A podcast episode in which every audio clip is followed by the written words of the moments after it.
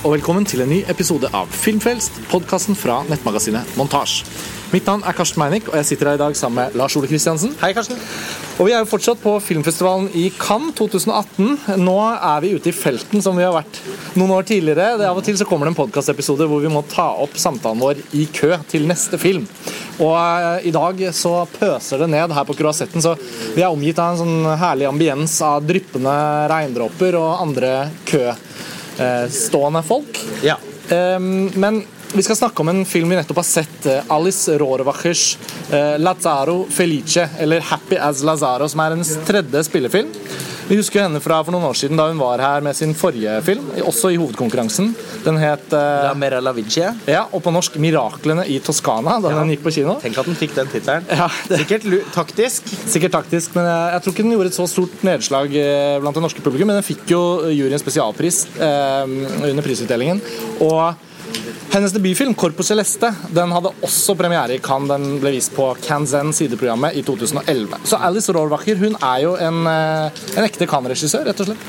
Ja, og for de fleste som er interessert i film, så er hun vel fortsatt kanskje aller mest kjent for å være søsteren til Alba Rohrwacher. Hennes eh, meget talentfulle søster, som er skuespiller, og som eh, da spiller i både 'Miraklene i Toskana' eller 'La Mera La Vigia', Ja. eh, og, og denne nye filmen eh, 'Lazaro Felice', som vi nettopp har sett. Eh, jeg tror man kan si sånn helt til å begynne med at for de av lytterne våre som kjenner til Rorvacher fra før av, så føles dette mest av alt som en forlengelse av et prosjekt hun allerede er i gang med. Mm. Det blir å dra det altfor langt å si at det er som en oppfølger til eh, 'Miraklene i Toskana', men eh, det, den er i, i det minste en slags forlengelse av de temaene hun diskuterte i den filmen. Og både settingen og det visuelle uttrykket er påfallende likt. Eh, Og for oss, som begge to likte 'Miraklene i Toskana' veldig godt, så var det jo også litt som å komme hjem til et sted man eh, hadde vært og trivdes. Ja, det, er jo som et feriehus man har leid og er tilbake, og det, alle de samme menneskene er der. Du føler liksom at det er noe kjent. Det var. Og, og, og- og det er jo selvfølgelig, altså det blir sånn banalt å si, men Italia har jo selvfølgelig en rik filmhistorisk eh, tradisjon å se tilbake på. Og Alice Rovacher er en av de eh, yngre, får man si, eh, nye italienske regissørene som på, på en måte liksom har et litt ansvar for å bære videre en filmkultur som, som har blitt satt opp på en veldig høy pidestall i enkelte filmhistoriske tiår, og som har hatt noen sånne nedgangsperioder.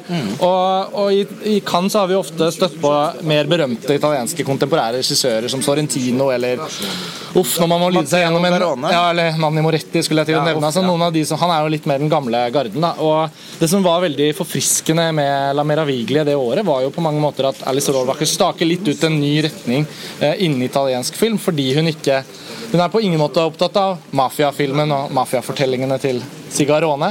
Um, men hun, hun sogner også til Nord-Italia. altså Mange av disse litt sånn sånn blondere italienerne er ofte en del av hennes rollegalleri.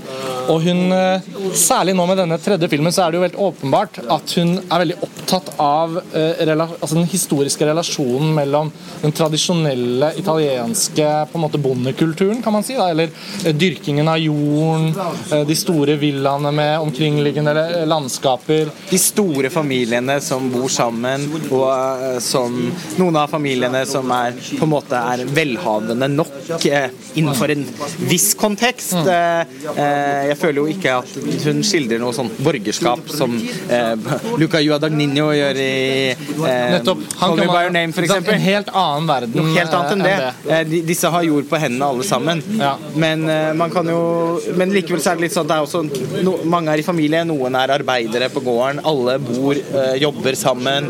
Eh, hun skildrer et gårdsarbeid på en innmari sånn poetisk måte. Ja, og hvis man kan snakke om at uh, for, forrige filmen, da, la oss kalle den 'Miraklene i Toskana', da. det blir jo litt mange forskjellige titler her nå, men, men den, den, hadde jo en form for tekstur i sitt visuelle språk som, som smakte veldig godt, uh, som var uh, forfriskende å se. Nettopp fordi det er analogt, nettopp fordi hun bruker film.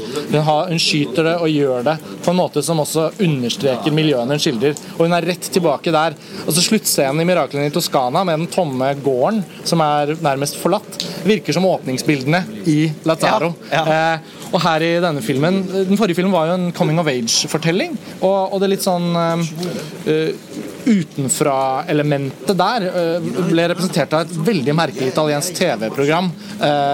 som Ledet av Monica Bellucci? Med, ja, med, med superstjernen Monica Bellucci, som også rent castingmessig ble et slags poeng. Hun kom inn i en verden hun ikke hørte, inn, hørte til i, og skapte uro i rekkene i den familien. Men her er ikke det, det, det, liksom det, merkelige eller det nesten magiske realistiske her er jo representert av en helt annen filmisk idé. For vi, vi, snakker jo faktisk om en slags spøkelseshistorie. Ja, altså Den første parallellen jeg tenkte på etter å ha sett filmen, var Apichatpong Beresetakul. Mm. Eh, og spesifikt eh, onkel Bonmé som kan erindre sine tidligere liv. Mm. Eh, det handler litt om bildespråket til Rorwache, som vi kan komme mer tilbake til. Men det handler jo aller mest om eh, måten hennes og eh, på en måte eh, foregripe en slags sånn åndeverden på i, i Eh, Lazaro mm. Felice. Hvordan vil du presentere liksom, handlingen, Karsten? Nei, altså Vi kan jo begynne med tittelen. Lazaro er navnet på hovedpersonen. Han er en veldig from, vakker gårdsgutt som uh, ser det gode i alle situasjoner og i alle mennesker rundt seg. Han vil alltid løfte høyballene som ingen andre orker. Han lager kaffe til de som spør. Han er på en måte bare en sånn god, nesten for god eh, til å være sann sånn, skikkelse. Ja, men Litt sånn Snåsamann-aktig skikkelse, nærmest. Bare den unge versjonen. Ja, Vi altså, ser for dere en veldig liksom, fager, nesten englelignende person med mørkt hår, kanskje 19-20 år gammel. Det er Lazaro. Og tittelen henspiller på at han er happy. Happy as Lazaro. Uh, og så På et tidspunkt så blir det åpenbart at han har noe litt sånn utenom, uh, utenom ikke, altså Alle registrerer han og ser at han er der, men, uh, men vi føler også ganske raskt at han har en litt sånn over Ikke overnaturlig, men han svever litt over situasjonene. Han lar seg liksom ikke prege på den måten som de andre gjør. Um, og så er det denne gården uh, med, med, en slags adel som, som, styrer og ordner med alle disse gårdsarbeiderne. Altså over 50 mennesker, gamle, unge, barn, menn, kvinner, som jobber hardt på det som viser seg etter hvert å være sånn tobakkfarm, på en måte. Uh, og så uh, innser man på et tidspunkt at her, her, er det noen sånne ugler i mosen. Altså, jeg tenker, Det er ikke akkurat en plottdrevet film, men det føles fint å ikke beskrive altfor mye av det som skjer i filmen. Um, bortsett fra at Lazaro uh, um, kan, Man kan ikke snakke om filmen uten å beskrive han som da en figur litt sånn ute av tiden. Nei, altså Han overskrider tid og rom. Mm. Eh, vi kan kanskje unngå å konkretisere det mer enn som så. Men det er jo en krok til å bli interessert i filmen ved at vi ikke sier noe mer enn ja. akkurat det. Og, og, og, den ligner veldig på en fabel. Eh, I så måte så tenkte jeg jo på Pasolini eh, som en, sikkert en, en referanse for Orwacher her. Eh, og Eh, på, ja, tenkte litt på teorema og sånt. Men, eh, men altså, i enda større grad eh, onkel Bonnet som kan erindre sine tidligere liv. Og um, denne Lazaro-figuren som du sier, det, det fromme, vakre, myke vesenet hans mm. som gjør at alle puster litt lettere. Mm. at alle, sånn, Hjerterytmen hos alle senkes litt mm. i hans nærvær. Mm. Og det er veldig sånn fint og ganske sånn subtilt skildret. Hun kunne, Vi har jo sett eh, For å trekke en sammenligning til en annen film i hovedkonkurransen som jeg syns var veldig tarvelig, som heter Jomedin. Mm. Den, Egyptisk film, eh, også, eller regissert av en debutant som ikke hadde laget noe før. Ja. Josef Shavki, var det ikke ja. han het? Eh, som var en av de første filmene som ble vist i hovedkonkurransen her. Og i den filmen så møter vi en liten mann som har altså kopper Eh, er, og, han er vel spedalsk? Ja, spedalsk mener jeg. Eh, eller han har vært spedalsk, blitt ja. kurert, men ikke fått kurert sine arr, som de sier så spesifikt. Nettopp. nettopp. Eh, og, og det er, det, man får inntrykk av at dette da stadig er en sånn ganske utbredt eh, sykdom eh, som folk forholder seg til og frykter mm. i, i, Egypt. Og, men han Nå husker jeg ikke hva navnet på hovedpersonen var igjen. Det var jo Eh, ikke Jomedin, for Jomedin nei. viste seg å bety noe helt annet. Beshai, tror jeg det var. Shaiva. Eh, og han har også noe av den samme effekten. At eh, Det ligger jo en dobbelthet i den filmen da, med at folk er redde for å bli smittet av sykdommen hans. Men faktum er at han ikke er smittsom, men at han bare må bære disse arrene og, og, eh, på en slags skam. Eh, men at han òg er I alle situasjoner han havner i, så ender han med å eh, forløse den situasjonen på en eller annen måte. Og han, hvor enn han ferdes, så eh, blir folk, får enten folk hjelp eller blir litt gladere pga. han. Mm. eh, I motsetning til Rohrwacher sin film, syns jeg den filmen var jo da den var jo et, et slags opererte jo et slags sosialrealistisk register. Eh, hvor Og veldig melodramatisk eh, og sentimental. ja, og med sånn vel, alt veldig skåret ut i papp, og noen sånne type sentimentale eh, svisker av noen scener som jeg egentlig ikke kan forstå at eh, at man, at man slipper inn i hovedkonkurransen i Cannes. Altså, man snakker sånn EF-versjoner av, av David Lynchs 'Elefantmannen'. Eh, det var tidvis en helt eh, uutholdelig film, syns jeg. Men eh, jo mer jeg har tenkt på den, jo verre syns jeg at den er òg. Men eh, den eh, for det, Årsaken til at jeg bringer den opp i samtalen nå, er egentlig bare for å si at sånne type eh, når man skal male noen figurer med såpass liksom sånn romantiske eh, Sånn myke eh, magiske penselstrøk. eh, hvor man virkelig skal forsøke å gi publikum en fornemmelse av at denne personen besitter en eller annen energi. Eh, dette er en livskunstner som, som får som endrer stemningen i rommet. Eh, og det, Faktum er jo at sånne mennesker fins jo, også i den virkelige verden. Eh, og det er det jo Medin forsøker å skildre.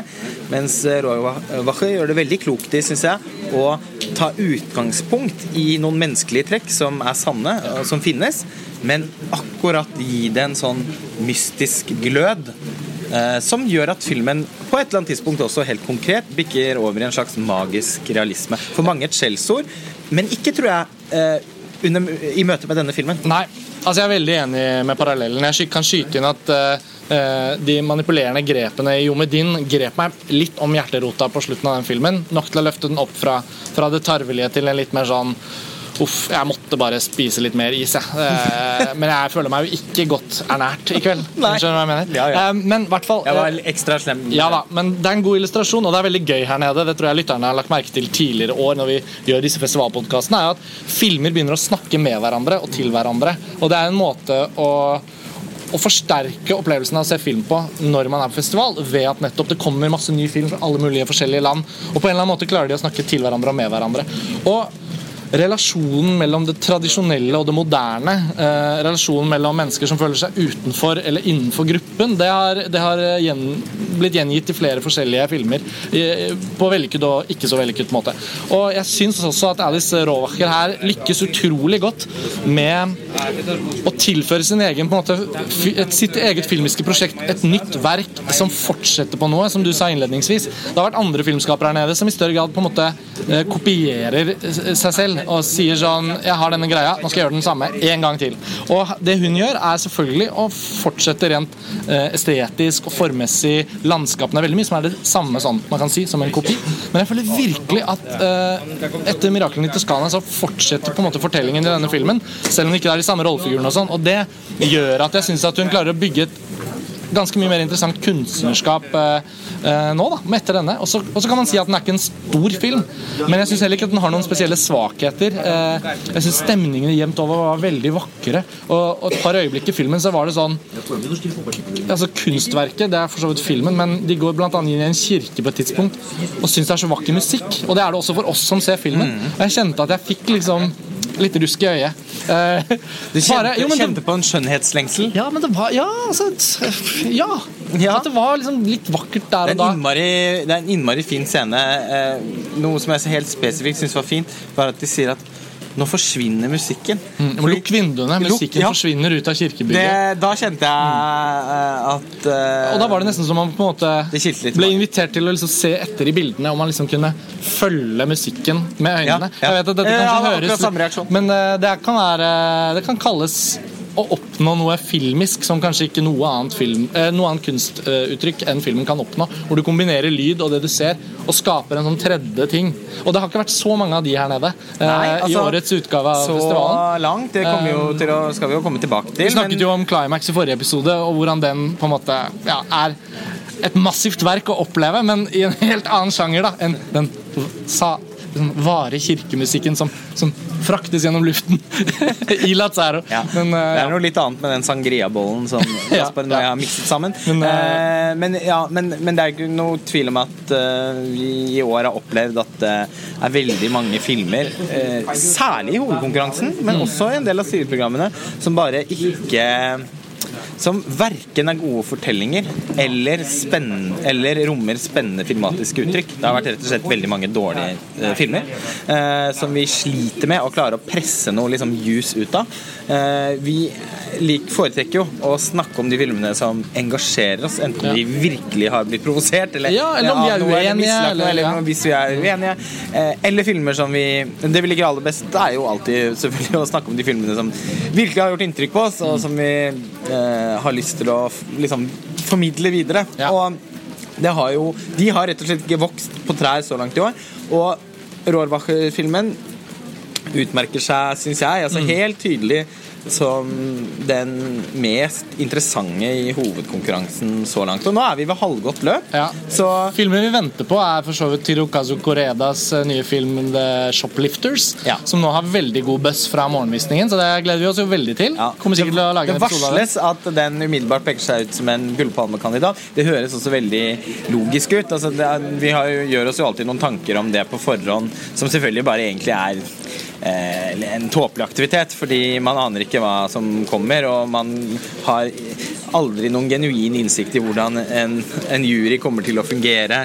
Eh, altså Alt kan skje, på en måte. Noen år er det jo sånne lynnedslag av filmer som bare gjør at alle bare slipper alt de har i hendene og roper gullpalmen, som 'Blå er den varmeste fargen', f.eks., eller 'Amour' eh, i 2012. Og Tree of Life var Og vel The en- Tree of Life var også Ja, men den var det litt mer sånn Den var mer polarisert mottakelse, faktisk. Det er sant, det var det. Men for oss var vel den en rimelig glassklar toppfilm. Helt klart. Eh, Men eh, eh, jeg tenker jo at Koreda, som har vært så mange ganger i Cannes, og som har vunnet priser i Cannes tidligere, og som eh, jevnt over er en så omfavnet, eh, så samlende filmskaper altså Han føler jeg virker Jeg tror ikke jeg kjenner noen som ikke liker filmene hans. Han er jo den i år som er litt sånn due. Eh, og det er ikke det at det pleier egentlig å ha noe å si eh, hva gjelder Gullpalmen. Jeg tror det kan ha noe å si hvis det er dødt løp mellom to filmer. At man velger å anerkjenne filmskaper som har kjempet lenge for å oppnå en sånn type anerkjennelse. Men i, i- sånn i praksis tror jeg ikke det har så mye å si. Men hvis Koreda nå har levert en av sine beste filmer, som de første reaksjonene kan tyde på, så er nok han uh, helt bestemt en, en, den første liksom, ordentlige gullpalmekandidaten. Ja.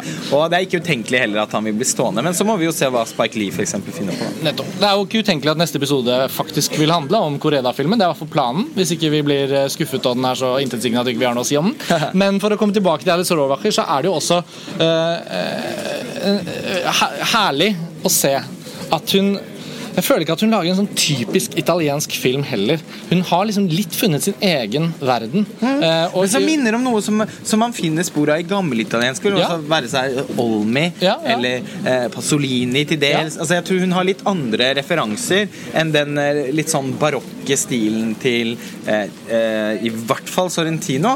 ja, ja, De lever jo på forskjellige planeter. Eh, Men også liksom, til og med Matteo Garona har jo også Tale of Tales. Har noe i og for seg eh, Tja. Du kan ikke kalle det magisk realisme, det var jo ren eventyrfortelling. Man Bare kunne magi. kanskje, man, bare, ja, man kunne kanskje eh, laget en litt artig dobbeltbill faktisk med de to filmene Ja, montert ved siden av hverandre. Altså, eh, no- Men, men, hun, men det er virkelig sånn, føler jeg, at hun, som du sier at eh, altså, eh, så litt sånn, eh, sånn kapitalist Denne sånn fæle italienske kapitalismen. Borgerskapets eksess. Mm. Ja, men også, ikke sant Mafiamiljø. Ja. Hun er liksom Det der som det er så mange av de andre som holder på med, Mm. det vender hun liksom helt blikket vekk fra. Og det, den lengselen etter et gammelt Italia som hun sannsynligvis har opplevd selv Det er også en periodefilm, foregår på 90-tallet. Ja. Det er litt Ja. vanskelig å si, egentlig. Jo, men altså, de Fordi- låtvalgene er jo fra Også fra sånn de, altså, Ja, ja det, var, det, var noe, det var noe sånn Absolute Music over Ja. den der Walkmanen som ble trykket på der. på Walkman, ja, jeg skulle si Discman. Ja. Men det var vel en Walkman? Jeg tror det var en Walkman. Ja. Men det var en veldig kul Walkman, for den hadde sånn altså, høyttaler på apparatet. Ja. Eh, så det var synd jeg ikke hadde den på 90-tallet. Jeg savnet alltid mulighet til å spille høyt. Ja, vise de andre. Ja. Eh, men den eh, Ja, nei, men det, altså, det, det gir jo inntrykk av at den foregår på eh, 90 Men så kan vi ikke helt av Jeg føler Det skjer jo noe med tidsdimensjonen her som vi ikke helt har lyst til å avsløre. Mm. Så sånn sett Men man kan si at den pendler litt mellom ulike tidsbunker. den føles ikke veldig kontemporær, nettopp fordi at den også i det visuelle uttrykket prøver å si noe om det gamle. Ja. Eh, Og i den, første, og i den første delen er den tydelig ikke kontemporær. Nettopp. Men jeg vil også si at eh, nå som du kom litt inn på tematikk, og sånn, så syns jeg filmen må berømmes for at den klarer å først og fremst bruke liksom et sånt veldig sånn klart mellommenneskelig, humanistisk perspektiv til å si noe om de store spørsmålene. Eh, altså at Hvis den sier noe om eh, hvordan på en måte moderniteten eller liksom kanskje litt kapitalismen, markedskreftene, bryter ned eh, de tradisjonelle mønstrene, store gårdsbruket, arbeiderne sånn og sånn, så sier den ikke det i det hele tatt eksplisitt, men den sier det gjennom at eh, filmens eh, på en måte gårdsherrer, da, eller adelen, de er også veldig sånn tragiske skikkelser her. Eh, mens eh, Lazaro og de andre arbeiderne er jo ikke spesielt ulykkelige, for de lever i pakt med naturen og er egentlig på en måte glad i arbeidet sitt. og Det skildres så vidt at et par av de unge gjerne vil komme seg ut, men så blir det sånn nei, men dere må bli, og vi som forventer at dere skal fortsette å jobbe her, dere også. Men sakte, men sikkert så syns jeg også filmen da egentlig klarer å si noe sterkere om kollisjonen mellom på en måte det moderne og de tradisjonelle verdiene i et samfunn, enn en film som f.eks. 'Birds of Passage', som var eh, åpningsfilmen i Kanzan i år, som er en colombiansk film som handler om en uh, urbefolkningsstamme i Colombia som på 70, seks- slutten av 60-tallet og begynnelsen av 70-tallet ble revet med i marihuanahandelen og så muligheten til å skape et bedre og rikere liv, men havnet selvfølgelig i, i vold og død og mord og lemlestelse. Og den ble gjevet om som en film som klarte å si noe utrolig om forholdet mellom tradisjon og kapitalisme, men der var vel vi ganske skjønt enige om at den føltes tvert imot da veldig banal og bokstavelig, hvordan den på en måte eh, strakk seg mot å prøve å si noe interessant om kollisjonene. Og han klarte det jo så bra i 'Embrace of the Serpent', Ziro Guerra, regissøren av, av eh, 'Birds of Passage'. Som du intervjuet i ja, Oslo ja, ja, veldig, altså En herlig filmskaper, og nå har han korregissert med Christina Gallego, eh, som eh, også var produsent for hans forrige film. Så, så det, det er ikke det at det står ikke på, på at man ser potensial i den colombianske For det skjer mye bra i Colombia, men denne filmen føles som en mislykket og en veldig ambisiøs film som ønsker å si noe. Og så er det så flott å se da, at Alice Rovacher, uten å liksom pretendere noe med kamera, uten å liksom show off, egentlig klarer å si noe veldig interessant om det som også gjelder for mange andre samfunn, Ja. men som er veldig Italia-spesifikt her. da. Ja. Um, Det er noe sånn uanstrengt over måten hun er eh, Både er eh, på en måte politisk og poetisk på. Ja. Altså Hun evner å gjøre begge delene uten at det blir for skåret ut i papp. eh, som man bare må beundre. Og må også understreke det du så vidt var inne på i begynnelsen av samtalen, Karsten, at denne filmen er jo da skutt på film. Ja. Altså Med andre ord er det litt Det er en ekte film. Ja. Altså når Og måten den er skannet på, er lagt sånn at liksom kantene er inkludert i bildet. Ja, så når et lite hår har festet seg, så er det liksom en liten sånn dirrende liten støvbit der nede på Og, og eh, da vi så 'Miraklene i Toskana' i 2014, så, uh, var, så, så var det allerede vanligere å skyte digitalt enn på film. Men det, i løpet av de fire årene som har gått siden den gang, så har det faktisk blitt enda sjeldnere å se. Og som vi har snakket om eh, noen ganger tidligere, bare mellom oss, tror jeg ikke på podkasten, er at egentlig så er det, det er de mindre produksjonene, og særlig den europeiske, eller ikke-amerikanske eh, festival- og på en måte kunstfilmen som egentlig lider mest under den, denne digitale revolusjonen som man snakker om. Fordi at eh, en filmskaper som David Fincher, f.eks., han klarer å lage mettede bilder med masse tekstur og svartnivåer og sånn digitalt fordi han jobber med så mange penger, han har så store ressurser, og han er også så genuint interessert i eh, potensialet med digitale eh, videokameraer. Eh, men når de samme Men når, eh, men når f.eks. europeiske eller søramerikanske filmskapere skal eh, skal på en måte jobbe med disse verktøyene, så syns jeg det er veldig tydelig at innmari mange filmer i mange, altfor mange filmer så er det noe som går tapt. En eller annen fylde nesten tyngde i bildene som bare forsvinner. Eh, er Lettheten i det digitale. At du bare skrur på, og så ruller kameraet, så er det gjort. Det gjør Det sørger for Eller det dessverre, da. Det kanskje resultatet, som kanskje ikke er tilsiktet, gjør at det oppstår en sånn visuell latskap fordi kanskje Pengene har kanskje ikke strukket til, da. Fordi det er ikke billigere å skyte digitalt. Det er, jo, det er jo ikke riktig. Fordi hvis du skal ha det så bra som Fincher eller de store gjør det, koster det like mye, på en måte. Så da er det sånn Kanskje når du er ute i jungelen der og skyter de utrolige bildene dine, så kan det hende at den 16 mm-rullen, som kanskje er litt mer omstendelig, ville gitt et mye mer mm. fantastisk uttrykk. Da. Og Rårvakker har skjønt dette. Eh, Det har hun. Og derfor blir man jo nesten helt sånn eh, Det er jo litt barnslig også, selvfølgelig, da. Å bli sånn Men vi blir sånn Åh, ja, film! Eh, og, og bildene hennes virvler jo av liksom liv. Så det er jo eh, altså, virkelig en rent også sånn estetisk eh, tilfredsstillende Ja. eh, tilfredsstillelse å, å oppleve den filmen her. Nå strammer denne køen vi står i seg litt til. Ehm, vi kan jo da skyte inn at da vi kom ut av uh, Alice Rovachers Lazzaro Felice, så fikk vi tekstmelding fra eh, en av de norske distributørene, Arthouse, som kunne melde at de har da sikret denne filmen norsk kinodistribusjon. Og Miraklene i Toskana gikk jo da også på norsk kino. Så um, da kan vi jo bare føye det til nå på slutten, at da blir jo dette en film som, som skal ses hjemme. Kommer sikkert til å gjøre noen festivalbesøk rundt omkring på, på de norske festivalene først, men eh, det er jo veldig gledelig. Og uten at vi kan konkretisere hvilke filmer det gjelder, så har vi også hørt on the grapevine at det er en god del festivalfilm fra Cannes i år som er blitt plukket opp for norsk distribusjon. Så de, de nyhetene kommer vi til å melde etter hvert som de blir Og heldigvis også blant de bedre filmene Ja, vi har sett. heldigvis. Men eh, bra, da var dette en liten sånn køepisode fra Cannes. Eh, takk for at dere hører på Filmfrelst som vanlig. Nå er vi jo midt i Cannes-dekningen, så dere får bare henge på og følge med. Det kommer flere episoder. Eh, Lars Ole, takk for denne gang. Nå, for denne gang. nå gleder vi oss til Korueva. Det gjør vi. Ha det bra. Ha det.